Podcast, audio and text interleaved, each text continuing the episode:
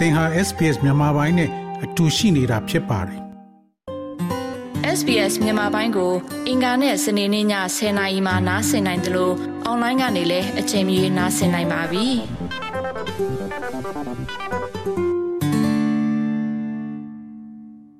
တကြော့ပြန်အာနာသိင်ခဲ့တဲ့စစ်ကောင်စီရဲ့လုပ်ရက်ကိုလက်မခံကြောင်းတုံ့ပြန်ကြတဲ့တဲ့မှာပြည်သူ့ကာကွယ်ရေးတပ် PDF LDF အမျိုးသားညီညွတ်ရေးအစိုးရ NUG နဲ့တိုင်းရင်းသားလက်နက်ကိုင်အစုအဖွဲ့ EAO အချို့ပါဝင်ခဲ့ပါတယ်။2021ဧပြီလ16ရက်မှာစတင်ဖွဲ့စည်းခဲ့တဲ့ကြားကာလအမျိုးသားညီညွတ်ရေးအစိုးရ NUG မေလ9ရက်မှာစတင်ဖွဲ့စည်းခဲ့တဲ့ပြည်သူ့ကာကွယ်ရေးတပ် PDF တို့ဟာလည်းအခုဆိုရင်နှစ်နှစ်ပြည့်ခဲ့ပါပြီ။ နိုင်ငံရေးမတည်ငြိမ်မှုကြောင့်အခက်အခဲဖြစ်နေရတဲ့ပြည်သူတွေရဲ့စီးပွားရေးပညာရေးနဲ့ကျန်းမာရေးအခြေအနေတွေကြားမှာနိုင်ငံတကာတန်တမန်ဆက်ဆံရေးကိုအခြေပြုပြီးလူသားချင်းစာနာထောက်ထားမှုအကူအညီတွေကိုရဖို့အန်ယူဂျီအနေနဲ့ကြိုးပမ်းလှုပ်ဆောင်ခဲ့တယ်လို့ပြီးခဲ့တဲ့ရက်သတ္တပတ်အတွင်းပြုလုပ်ခဲ့တဲ့သတင်းစာရှင်းလင်းပွဲမှာထည့်သွင်းပြောဆိုခဲ့ပါတယ်။ ဖက်ဒရယ်တပ်မတော်ရဲ့အခြေခံစစ်ရေးအင်အားတိစောက်မှုအနေနဲ့မြန်မာနိုင်ငံလုံးအတိုင်းအတာအရ PDF တပ်ရင်းနဲ့စစ်ကြောင်း300ကျော်ပြည်သူ့ကာကွယ်ရေးအဖွဲ့တွေကိုမြို့နယ်250မှာတည်ထောင်နိုင်ခဲ့တယ်လို့ဆိုပါတယ်။ဒီလိုတည်ထောင်နိုင်မှုကြားမှာပဲမြေပြင်အဖွဲ့အသီးသီးနဲ့ချိတ်ဆက်လှုပ်ဆောင်ရမှာတော့အာဏာချက်တွေရှိနေတယ်လို့စကိုင်းတိုင်းဒေသကြီးပလဲမြို့နယ်တွေကကာကွယ်ရေးတပ်ဖွဲ့ဝင်တူကဆိုပါတယ်။ ကွင်းဆင်းမှုတွေအားနည်းတာတွေရှိတယ်ဗျ။ဒီတချို့ဒေသတွေမှာကျရွာတွေသွားကြည့်လို့ရှိရင်သိရတယ်ဗျ။ပြည်သူတွေကပြောတယ်ဗျ။အော်တဲ့တခါတလေကြားတယ်ဒီစစ်သားတွေကြောက်ရတာခဏကြောက်ရတာတဲ့ဒီ PDF ဆိုတာအများကြီးရှိတယ်။ PDF ဒီလက်နက်ကိုင်ပြီးတော့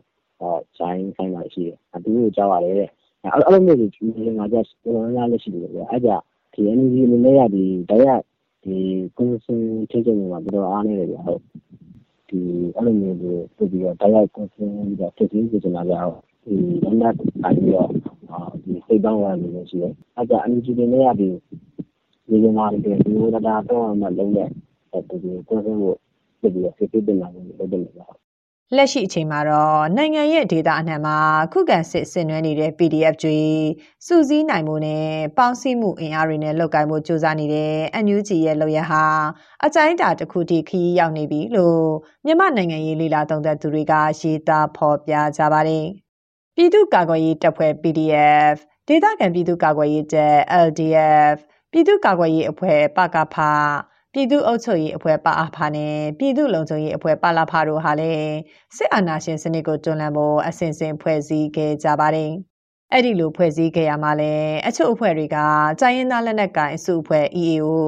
အချို့အဖွဲ့တွေကတော့ NUG ဥဆောင်မှုအောက်မှာ စုပေါင်းခဲ့ကြတာပါ။ NUG ကတော့နှစ်နှစ်ကျော်ကာလအတွင်း တိုင်းရင်းသားမဟာမိတ်အဖွဲ့တွေနဲ့ ကာကွယ်ရေးတပ်ဖွဲ့ဝင်တွေ ပူးပေါင်းပြီး စစ်စင်ရေးနယ်မြေအလိုက် Chain of Command ကိုတိစောက်ဖို့ ဆောင်ရွက်နေတယ်လို့ ဆိုပါတယ်။တော်လန်ရေးရဲ့ အဓိကအခန်းကဏ္ဍတစ်ခုမှာပါဝင်တဲ့ ကာကွယ်ရေးအဖွဲ့တွေရဲ့စီလုံးညီညွတ်မှုကို ပြန်လည်တိစောက်နိုင်မှာတော်လန်ရေးခီး အောင်မြင်လာမှာဖြစ်တယ်လို့စီရီယမ်ဘူကြီး ညီတူတာက၆ပြပြောဆိုပါတယ်။ NUG ဖွဲ့စည်းလာတာ ဒီနှစ်နှစ် ပြည့်ပြီပေါ့နော်ဆိုတော့ဒီကာလနောက်ပိုင်းမှာကျွန်တော်တို့တိတသာမြင်လာတော့ဖွဲ့စည်းမှုပို့ပြီးတော့အားကောင်းလာတယ်ပြီးတော့လှုပ်ဆောင်နိုင်မှုပေါ့နော်ဒီစစ်စင်နိုင်မှုတွေလည်းပို့ပြီးအားကောင်းလာတာကိုတွေ့ရပါတယ်ဒီအားသာချက်တွေအနေနဲ့ဆိုရင်တော့လက်ရှိမှာဒါပြည်သူလူထုကိုလွှမ်းမိုးမှုအရှိဆုံးဒါအဖွဲ့စီပေါ့နော်ဒါအစိုးရတည်းရဲ့အနေနဲ့လည်းရှိနေတာတော့အထူးအားသာချက်ဖြစ်ပါတယ်အားနည်းချက်လို့ပြောရမယ်ဆိုရင်တော့လောလောဆယ်မှာဒီအဖွဲ့တွေပေါ့နော်ဒါပြန့်ကျဲနေတာရှိတယ် အဲဆိုတော့ဒါတွေကိုစူးစီးဖို့ကတော့ဒါသူတို့ဆက်ပြီးတော့လုပ်ရမယ်လို့တော့ကျွန်တော်မြင်ပါတယ်တော်လည်းဒီအရှိန်အဟုန်နဲ့သွားနေတယ်တခါတိုးတက်မှုတွေကလည်းများတယ်တိုးတော့ဒီဘယ်အချိန်မှာပြီးရမယ်ဆိုတာကိုယတိပြက်ပြောဖို့ရနည်းနည်းစောသေးတယ်လို့ကျွန်တော်တော့မြင်တယ်ခင်ဗျ NUG ပေါ်မှာလည်းပြီးခဲ့တဲ့နှစ်တွေအတွင်းပြည်သူလူထုတွေစီမျှော်လင့်ချက်အမှားတွေပေးတယ်ဆိုတဲ့ထောက်ပြချက်တွေနဲ့ဝေဖန်မှုတွေမြင့်တက်ခဲ့ပါတယ်။ ပြီးခဲ့တဲ့အောက်တိုဘာလပထမပတ်မှာစစ်ကောင်စီရဲ့လေကြောင်းတိုက်ခိုက်မှုတွေကိုတပ်ပြန်ခုခံဖို့လေရင်ပစ်လက်နက်တွေရရှိထားတယ်လို့သတင်းစာရှင်းလင်းပွဲမှာပြောခဲ့ပါသေးတယ်။နိုင်ငံတကာကလေရင်ပစ်လက်နက်တွေကူညီထောက်ပံ့ပေးမယ်ဆိုတဲ့မျှော်လင့်ချက်တွေကိုလည်း NUG ပြောရေးဆိုခွင့်ရှိသူတွေကမကြာခဏထုတ်ဖော်ပြောဆိုခဲ့ပါတယ်။ နိုင်ငံတကာကိုပဲအားကိုးတယ်လို့ပြည်သူတွေက NUG ကိုထောက်ပြပြောဆိုကြပြီးမရရှိနိုင်တဲ့လေရင်ပြစ်လက်နက်အစားနိုင်ငံတကာကပေးနိုင်တဲ့လေရင်ပြစ်လက်နက်ကာကွယ်ရေးအကူအညီမျိုးတွေကိုတောင်းဆိုတင်တယ်လို့လည်းဆိုကြပါတယ်။နှစ်နှစ်ကြာကာလအတွင်း NUG ရဲ့နိုင်ငံရေးအမြင်ကိုလူငယ်အမျိုးသမီးမတ်ခတ်တာကတော့အခုလိုသုံးသပ်ပါတယ် ပထမတစ်နှစ်မှာတော့ဒီတော်လန်ရေးကနေပေါက်ဖွာလာတဲ့အစိုးရဖြစ်တဲ့ဒီဥဆောင်ဥရွက်ပြုတ်ပြီးတော့မှလှုပ်ပေးနိုင်မဲ့အစိုးရတရက်ဆိုပြီးတော့မှအများကြီးမျှော်လင့်ခဲ့တယ်ပေါ့လူငယ်တယောက်အနေနဲ့ဆိုရင်အာအများကြီးလဲအားကိုးခဲ့တယ်ပေါ့နော်ဒီနှစ်နှစ် ကျော်ဖြစ်လာတဲ့အခြေအနေမျိုးမှာတော့အလိုတိတာထင်ရှားတဲ့အပြောင်းအလဲတွေပြီးတိကျတဲ့မဟာဗျူဟာတွေနဲ့အလိုလူထုကိုဥဆောင်နိုင်တဲ့ပုံစံမျိုးတိတ်မတွေ့ရဘူးပေါ့လေဥဆောင်မှုလမ်းညွလမ်းညွမှုအထက်စားလို့ရှိရင်သူကသူဒီ social media တို့ဘာတို့မှာဆိုရင်ဒီလိုဆယ်လီတွေတည်မလားနောက်ပြီးတော့ပုဂ္ဂလိကလူပုဂ္ဂိုလ်တွေပေါ့နော်ဆိုတော့အဲ့လိုမျိုးတွေရဲ့ပြန့်ကျဲနေတဲ့သတင်းစကားတွေနောက်ပြီးတော့သူတို့ရဲ့ propaganda တွေပေါ့နော်အဲ့ဒါတွေကပို့ပြီးတော့မှဟိုရှေ့ရောက်နေတာပေါ့ရှေ့ရောက်နေတော့ဟိုအဲ့လိုဟာမျိုး propaganda တွေကနေတစင် force ထုတ်ပေးမိသလိုတွေဖြစ်သွားတာတွေလည်းရှိတာပေါ့နော်အဲစင်ပြိုင်အစိုးရဆိုပေမဲ့လည်းတချို့အခြေအနေတွေတချို့ခန္ဓာတွေမှာဆိုလို့ရှိရင်သူတို့ကလလန်းမိပြီးတော့မှတာဝန်ယူဖြည့်ရှင်းပေးနိုင်တဲ့အနေအထားမျိုးတွေလည်းမရှိဘူးပေါ့နော် NUG အနေနဲ့နယ်မြေစိုးမိုးရေးမှာလည်းကျနိုင်ငံလုံးရဲ့90ရာခိုင်နှုန်းစိုးမိုးထားပြီးဖြစ်တယ်လို့ဆိုပါတယ်တိုင်းရင်းသားလက်နက်ကိုင်အဖွဲ့တွေဖြစ်တဲ့ခြေမျိုးသားတပ်ဦး CNF တအန်းလွတ်မြောက်ရေးတပ်မတော် TNL ကိုကတ်တပ်မတော် MNDAA ကချင်လွတ်မြောက်ရေးတပ်မတော် KIA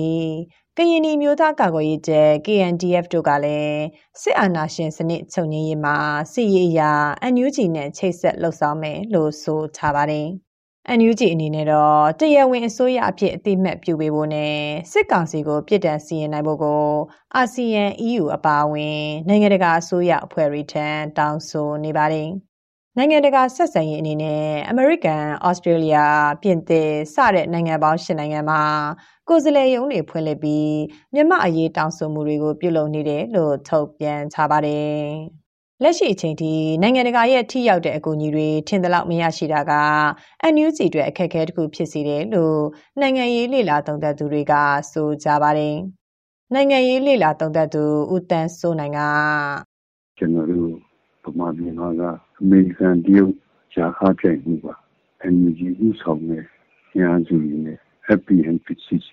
တရုတ်ရဲ့ဩဇာလွှမ်းမိုးနေတဲ့ညာစုတွေကြားထဲမှာကွာဟချက်တွေဖြစ်နေပါတယ်ကျွန်တော်တို့မျိုးပေါ်မှာရေးသူရှာမှုတောင်းမှုထဲချဖြစ်နေပြီးတော့ဒါကြောင့်ခု NUG အနေနဲ့2023ခုနှစ်ကိုပြန်လည်ထိုးချက်ဖြစ်သူတို့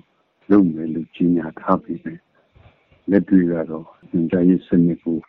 ကောင်းမွန်အောင်ထူထောင်နိုင်ရေးအတွက်ဒေသအလိုက်ခုခံကာကွယ်ရေးစပွဲတွေဆင့်တန်ရနေတဲ့အနေအထားမျိုးရှိနေပါတယ်။ဒီတော့အများကြီးနိုင်ငံရဲ့ဆက်ဖက်မှုအောင်ကိုကြောင်းပြပြီးတော့ဒီ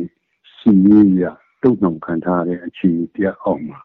ဒီနေ့ဟာဆုံးဖြတ်နေဖြစ်မှာမဖြစ်ဘူးလားဆိုတော့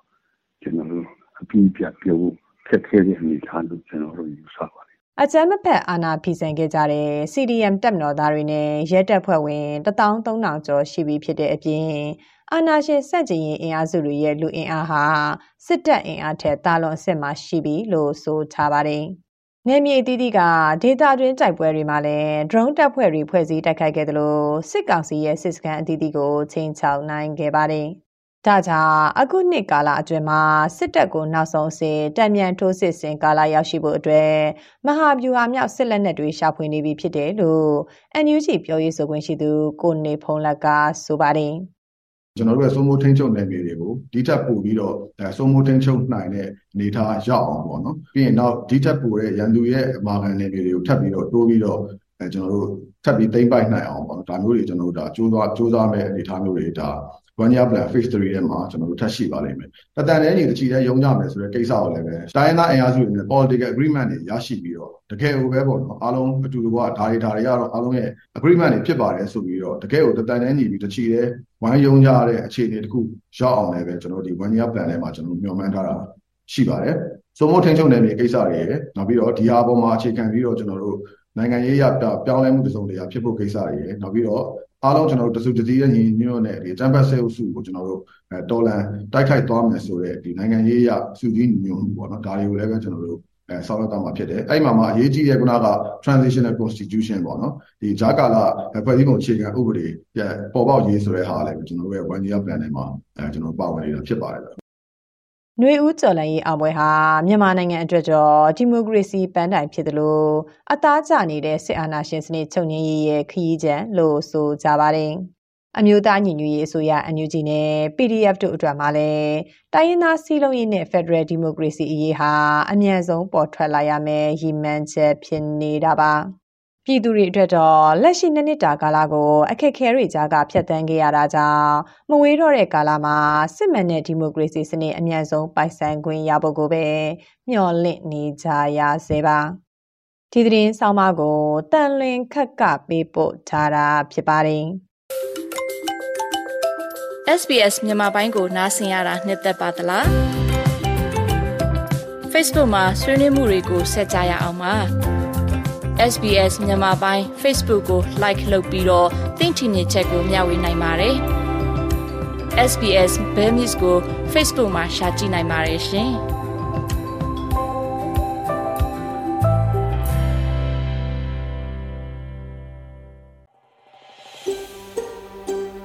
။ဒါမျိုးသတင်းဆောင်မတွေကိုပိုနားဆင်လိုပါလား Apple Podcast Google Podcast Spotify တို့မှာသင်ပင်ရာဖြစ်ဖြစ်ရယူတဲ့ podcast ကနေပါ